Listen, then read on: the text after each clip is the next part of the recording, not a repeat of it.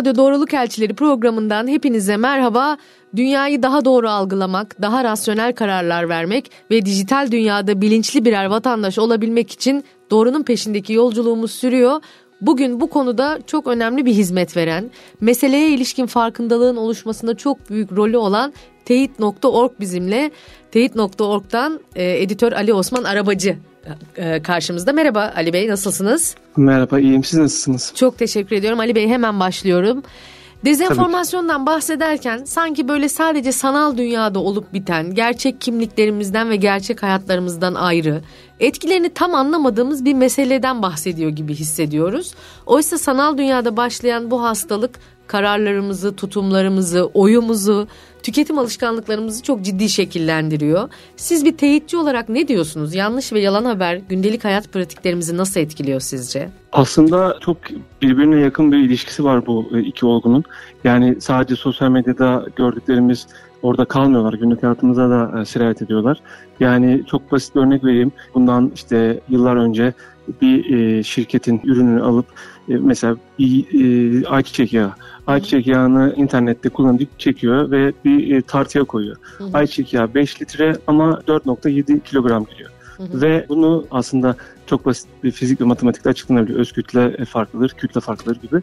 Ama mesela bunu insanlar gördüğü zaman vay efendim bana e, az yağ satılıyor. Bunlar bizi dolandırıyorlar deyip markete gidip o yağları markettekilerin kafasına atabilirsiniz. Ya da bunu yapabilecek ya da orada şu anda aslında e, benzer şeyler de yaşanıyor. Oraya gidip bela çıkartabileceğiniz bir noktaya sizi sürükleyebilir. En nihayetinde biz bunu pandemi zamanında çok yaşadık. Yani e, internetten görülen ya da sosyal medyada görülen aşıyla ilgili, sağlıkla ilgili, halk sağlığıyla ilgili yanlış bilgileri hı hı. gündelik hayatımızı e, etkilediği örnekler çok fazla. Yani bir insan aşı olmadığı zaman ya da bir şekilde o yanlış bilgilerin etkisine girdiği zaman en basitinden sizin aynı otobüse biniyor ve sizin sağlığınızı etkiliyor. Yani o da çok e, önemli. Oy vermeye davranışınızı değiştirebilir. Ya asimetrik propaganda diye bahsettiğimiz bir şey var bizim. Hı hı. Belirli bir seçmen davranışını başka bir e, parti ya da başka bir siyasal grubun kendisini diğer siyasal grup gibi gösterip karşı tarafa propaganda yapması olarak tanımlayabiliriz. Mesela yolda gördüğünüz bir broşür hı hı. aslında bir partiye ait değil ama o partiyi basmış gibi lanse ediliyor ya da dolaşıyor. Siz de bunu gördüğünüz zaman belki oy verme de, alışkanlığınızı değiştiriyorsunuz. Yani aslında gündelik hayatımıza çok etkili. Ben günde ya çok şahit oluyorum. Mesela ben Atatürk'ün sözleri üzerine e, çok çalıştım. Yani Atatürk'e atfedilen çok fazla yanlış söz var. Hı hı. Hmm, şoförler odasından geçerken mesela duvarda kocaman yazıyor. Atatürk e, güya şöyle demiş. Türk şoförü en asil duyguların insanıdır. Yani en basitinden bu söz Atatürk'e ait değil ama koskoca puntolarla kaldırım karşınıza çıkıyor. Belki hı hı ilgileniyorsunuz, belki ilgilenmiyorsunuz ama yani inanılmaz derecede gündelik hayatınıza siyaset ediyor. Durum böyle açıkçası dediğiniz gibi. Peki hani burada birazcık işin uzmanı olarak bizim sıradan kullanıcıların yapabileceği şeyler konusunda biraz bize yol gösterir misiniz? Mesela hani görsel aratmak falan bunları çok e, duymuş ve dinlemiştik diğer bölümlerimizde de. Bunun gibi pratik dediğim gibi sıradan bir kullanıcının e, yapabileceği şeyler hakkında biraz yol gösterir misiniz bize? Tabii ki. Ya e, sosyal medyada ya da internette yaşam 24 saat. Yani çok e, orada zaman mefhumu biraz farklı ve viralite inanılmaz derecede yüksek olabiliyor. Hı. Yani bizim şöyle bir tabirimiz var. Şüphe kası diye. Yani birazcık böyle bizim insanımız ya da bir şekilde sosyal medya kullanıcıları bir şeyleri paylaşmayı seviyorlar. Arkadaşına gönderiyorlar, kendi sayfasında paylaşıyorlar. Böyle şüpheli bir durumda Hı. ya da işte şu an işte İsrail-Filistin çatışması var. Rusya-Ukrayna çatışması var. Azerbaycan Ermenistan'la çatıştı e, yıllar önce. Yani mesela bu gibi durumlarda önce bu bilgiyi e, bir paylaşmayacaksınız. Yani bir şekilde o bilginin doğruluğunu kontrol ettikten sonra ya da e, ya, doğruluğuna emin olduktan sonra belki paylaşabilirsiniz. Ama bizim ilk e, refleksimiz bunu direkt paylaşma şeklinde olabiliyor. Ve bu da kriz zamanlarda ya da normal zamanlardaki bu yanlış bilgilerin inanılmaz derecede viral olmasını sağlıyor. Hı hı. Aslında burada ilk yapmamız gereken şey biraz sakin olmak, duygulara kapılmamak, kalple hareket etmemek, biraz daha mantığı ortaya koymak. Bunu paylaşıyorsan ne için paylaşıyorsun? Arkadaşlarına göndereceksen ne için gönderiyorsun? Bunun bağlamı ne? Bunu bunu kim paylaşmış, ilk kim ortaya atmış. Aslında çok basit sorularla böyle bir kendini dizginleyeceksin. O zaman e, biraz daha böyle e, şeyi kırıyorsun. Daha sonrasında işte sizin de bahsettiğiniz gibi araştırma yapmak isteyebilirsiniz. Tersine görsel arama yöntemiyle. Yani fotoğrafın hikayesine, videonun hikayesine e, gidebilirsiniz. E, ilk paylaşan kaynağı bulabilirsiniz. genelde bunlar bağlamından kopartılmış olabiliyor ya da hatalı ilişkilendirilmiş olabiliyor. Yani başka bir olayla ilgili ama yeni ve güncel bir olayla ilgili paylaşılabiliyor. Aslında birazcık böyle basit internet aramaları, kelime aramaları, haber aramaları gerçeğe ulaşmanızı kolaylıkla sağlayabiliyor. Biraz daha böyle sağlık iddiaları zor olabiliyor. Makale okumanız gerekebiliyor, iddiayı anlayamayabiliyorsunuz, kaynakları anlayamayabiliyorsunuz ama o zamanlarda mesela bir bilene sormak, uzmanlara sormak. Tabii ki bu uzmanların güvenilir olduğuna e, emin olmak gerek. Ya da işte bizim gibi platformlara bakmak, dünyada buna bakmak. Hı hı. Acele etmeden e, sizi doğru bilgiye götürebilecek yollardan bazıları. Evet.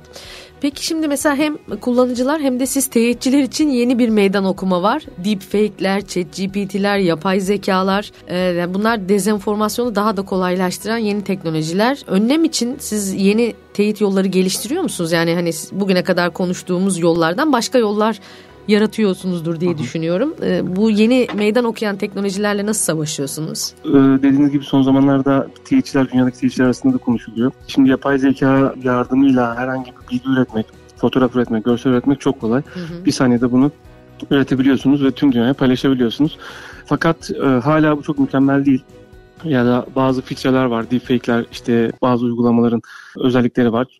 Çok kolay bir şekilde beni oynatıp e, benim ağzıma başka sözler söyletebiliyorsunuz. Hı hı. Bunlar e, her ne kadar yani son yıllarda çok gelişmiş olsalar da hala mükemmel değiller. Hı hı. Mesela bazı e, araçlar var. Tabii ki bu araçları biz kendimiz yapmadık. Bunları yapmak çok fazla teknoloji ya da bilgi birikimi gerekiyor. Fakat bunları biz kullanabiliyoruz. Yani bir görselin e, yapay zeka tarafından üretilip üretilmediğine dair bize oran ya da yüzde verebiliyor. Bu gibi araçları kullandığımız zaman yani fotoğrafı, şüphelendiğiniz fotoğrafı bu uygulamaları yüklediğiniz zaman size %99 oranında şey, ya da örnek veriyorum %60 oranında ya da %0.1 oranında e, sonuçlar çıkartıyor ve aslında bu sonuçlar doğru ve güvenilir diyebileceğimiz sonuçlar. E, sadece bu tek gösterge değil. Yani biraz önce söyledim çok mükemmel değil bu araçlar hala. Fotoğraftaki bozulmalara bakmak, e, eşyanın tabiatına uygun olmayan şeyleri aramak, parmaklara bakmak, gözlere bakmak. Bunlar hala yapay zekanın tam olarak yapamadığı ya da tam olarak başarılı şekilde yapamadığı şeyler. Bunlara birazcık bakarak şüphe etmek ve e, daha sonrasında bahsettiğim internet araçlarını kullanarak bunların doğru mu ya da yanlış mı olduğunu ortaya çıkartabiliyoruz. Evet yani zehir panzehiriyle geliyor herhalde. Yani bunu üreten de teknoloji. Bunun doğru olup olmadığını anlayacağımız şey de teknoloji. Ama dünyayı da ilginç günler bekliyor herhalde. Ee, dünya evet. demişken dünyada teyitçilik ne noktada bunu sormak istiyorum. Çünkü neticede bu bir küresel problem. Ee, ama herhalde teyitçilik dünyada bizden biraz önce başladı. Dünya ile Türkiye'yi bu e, meselede kıyasladığınızda biz teyitçilik konusunda ne noktadayız? Teyitçilik dünyada e, aslında uzun süredir yapılıyor dediğiniz gibi. E, Snox diye bir internet sitesi var. Amerika'da e, yayın yapıyor ve kendisi 95-96 e, olması lazım. Yani 90'lı yıllardan beri aslında internetteki görselleri daha internet henüz çok yeniyken bile e, internetteki iddiaları araştıran bir platform. Mesela çok eski bir kuruluş. Aynı zamanda yani dünyadaki e, tek çok başarılı örnekleri de var. E, Politifek diye bir e, kurum var yine aynı şekilde bizim teyitçilik yapıyorlar Amerika'da ve bunlar Pulitzer ödülünü de aldılar. Yani hı hı. önemli e, örnekleri var. Dünyada EFCN adını verdiğimiz işte International Fact Checking Network gibi bir çevirisiyle kullandığımız bir e, şemsiye şey dernek var. Hı hı. Türkiye'deki arkadaşlarla beraber biz de buradayız. E, burada bir standartizasyon var. Yani e, biz belirli bir kalite ya da bir şekilde belirli standartları buraya sağlayıp o şartlar altında teyitçilik yaptığımızı buraya beyan ediyoruz ve e, uluslararası standartlara tabi oluyoruz. Hı hı. Nereden baksanız belki 200'den fazla tüm dünyada fact checking yapan e, bir şekilde kuruluş var. Yani e, teyitçilerin e, önemi şurada anlaşılıyor tüm dünyada. Aslında buradaki örüntüler birbirine yakın. E, işte pandemi zamanında tüm dünyadaki fact checker'lar bir araya gelerek, teyitçiler bir araya gelerek bir database oluşturdu. Mesela tüm dünyada e, kendi ülkelerinde çıkan yanlış bilgileri derlediler. Buradan örüntüler çıkarttılar. Aynı şekilde e, savaş zamanlarında, kriz zamanlarında bu teyitçiler bir araya gelerek, birbirleriyle yardımlaşarak bir şekilde internetteki yanlış bilginin önüne de geçmeye çalışıyor. Mesela şu an İsrail-Filistin ya da Hamas çatışması savaşı var. Şu an hemen Arapça yayın yapan teyitçiler bir araya geldi. Hı hı. Ve bir şekilde internetteki yanlış bilgileri karşı koymaya çalışıyorlar. Yani bunu bunun içine bize dahiliz. Yani herkes bir şekilde birbirine yardımlaşarak bu sosyal medyadaki bilgilerin önüne geçmeye çalışıyor. Yanlış bilgilerin önüne geçmeye çalışıyor. Çünkü emin olun yani işte Suudi Arabistan'da paylaşılan bir şey Türkiye'de de yakın zamanda paylaşılacak. Ya da Amerika'daki e, gördüğünüz bir şey en kısa sürede Türkiye'ye gelecek. Ya da bir şekilde biz de ihraç edebiliyoruz. Yani bizden çıkıp dünyaya gelen yanlış bilgiler de var. Yani bu hı hı. global dünyanın getirdiği bir şey ve teyitçiler de aslında burada çalışıyorlar. Bizim yerimiz de fena değil. Türkiye'deki 3 organizasyon e, bu bahsettiğim derneğe üye hı hı. ve e, kriz zamanlarında harıl çalışıyorlar açıkçası. Şimdi Ali Bey aslında biz iletişimciler hep bu dezenformasyonla mücadele konusunda e, sizlere adres gösteriyoruz. Hani hiçbir şey yapamadınız hı. en kötü bunu sizin yerinize yapan e, organizasyonları takip edin diyoruz. Fakat bunların sayısı arttıkça burada da teyitçiliğin güvenilirliği ya da hangi teyitçiyi takip etmek gibi de bir soru çıkıyor karşımıza. Çünkü aslında bir e, teyit organizasyonunun neyi teyitleyip teyitlemediği bile bir duruş bir yerden baktığınızda. Bu noktada teyitçilerin sayısı arttıkça hangisini seçmek konusundaki kriter nedir? Yani uluslararası bağ ağlı olma, olması mıdır? Burada kullanıcı olarak hangi teyit ağını takip edeceğimizi seçerken nelere dikkat etmeliyiz? Ee, bahsettiğim gibi hani aslında e, şey belli. Hani burada bazı etiketler ve standartizasyonlar var. Hı hı. Hani e, kurumlar bunlara üye olabilmek için kendilerini çok fazla düzenliyorlar. Yani bizim ya da başka bir şekilde EFC'ne üye olabilecek kurumlar birçok denetim ve e, şeyden geçiyor ve bunları sitemizde benchmark olarak koyuyoruz. Benim tavsiyem aslında bunun Avrupa versiyonu da var. Avrupa'daki EFCSN e, yeni kuruldu. Avrupa'daki teyitçileri bir şemsiye altında toplayan bir kuruluş var. Biz oraya da üye olduk. Hı hı. E, bir şekilde bu gibi e, bahsettiğim gibi kuruluşlara üye olan ya da olma yolunda giden e, teyitçileri takip etmek bence daha sağlıklı. Türkiye'de e, birçok teyit, ya bizden sonra birçok teyit adı altında işte şeyler çıktı, markalar çıktı. Ama hani bir yerden sonra bunların partizan bir e, taraf olabilir, pro, propaganda yapmak isteyebilir, başka bir amaca hizmet etmek isteyebilir. Yani bilmediğiniz teyitçileri ya da teyitleri aslında takip etmemek gerekiyor. Yani biraz daha internet sitelerine bakmak gerekiyor, metodolojilerine bakmak gerekiyor. Yani Hı-hı. bir kurum bunları e, bir yanlış bilgi nasıl doğruluyor, bunu açık açık sitesinde beyan ediyor mu, tarafsızlık beyanı var mı, çalışanların kimlikleri açık mı, bu kişiler nerede çalışmışlar, ne yapmışlar. Yani her şeyin şeffaf olması, bütçelerinden tutun da kişilere kadar bunlar önemli. Ya mesela örneğin bir teyit sitesi var ve e, yazı yazan kişinin ismi Rumuz e, atıyorum işte Gonca Gül.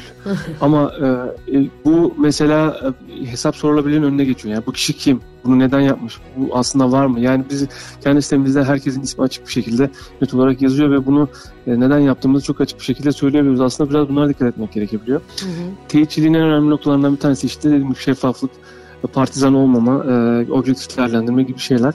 Bunları sağlayabilen teyitçiler de bu kuruluşlara üye oluyorlar. Bunlar haricinde aslında çok da tavsiye etmiyorum açıkçası. Hı hı. Ali Bey, e, şimdi bazı meslekler e, sadece meslek değildir, bir kimlik, bir yaşam bakış şeklidir. Gazetecilik gibi, doktorluk gibi. Hı hı. Teyitçilik de bence öyle. E, hayata teyitçi gözüyle bakmanın avantajları nedir? Ve bir teyitçi hayata nasıl bakar? Teyit hayata e, mümkün mertebe eleştirel gözle bakmaya çalışır. Hı hı. Her şeyden şüphe etmeye çalışır. Ama bu günlük hayatta e, pek işinize yarıyor emin değilim. E, şu sıralar e, emlakçılarla çok uğraşıyorum ya da işte emlak ilanlarıyla çok uğraşıyorum ve bir eve bakarken ilk baktığım şey acaba beni burada nasıl kandırmaya çalışıyorlar? e, ya da bir şekilde bu, burada yanlış olan ne? E, konum mu yanlış? İşte bu fotoğraf gerçek mi? Bir tersini arayayım vesaire gibi e, şeyler oluyor. Birazcık böyle etrafınızda da size böyle bir misyon yükleniyor. Sen teyitçisin hadi bunu doğrusunu söyle. Senin yanında şimdi bunu söylemeyelim hemen bizi yanlışlarsın. Doğru mu yanlış mı bilmiyorum ama işte e, böyle insanlar kendilerine bazen sansür uyguluyorlar aslında. Ya da bizim sürekli onları düzelteceğimizi düşünüyorlar. Ama e, tabii bir gündelik hayat, yaşam pratikleri yani e, böyle illa orada e, her şey dört dörtlük olacak diye bir şey yok. Yani çok fazla benim ailemde ya da etrafımda insanlar yanlış bilgi inanıyorlar. Ben doğrusunu söylesem de inanıyorlar. Bu da ayrı bir konu bu arada. ee, yani yani bunlara yapabilecek bir şey yok. Ama dediğim gibi mümkün mertebe böyle e, ilk gördüğüne inanmama, biraz daha böyle sakin kalma, mantıklı hareket etme gibi şeyler e, hayatımızda bizim de kendi günlük yaşamımızı etkiliyor. Hı hı. Böyle açıkçası çok da aklıma bir şey gelmedi. Anladım. Ee, o zaman e, aslında konuştuğumuz konuklarımızla ortak bazı kelimeler var hepsinin zikrettiği. Ee, bir şüphe kası herhalde en evet. kıymetli şey bu süreçte. İki e, biraz yavaşlamak. E, bu hız çağının bizi içine alıp götürmesine müsaade etmemek en azından bu meselede. Çok teşekkür ediyorum. Ağzınıza sağlık. Ben teşekkür ederim sizin de. Avrupa Birliği tarafından finanse edilen bu programın içeriği tamamen yapımcının sorumluluğundadır ve Avrupa Birliği'nin görüşlerini yansıtmayabilir. Haftaya görüşmek üzere.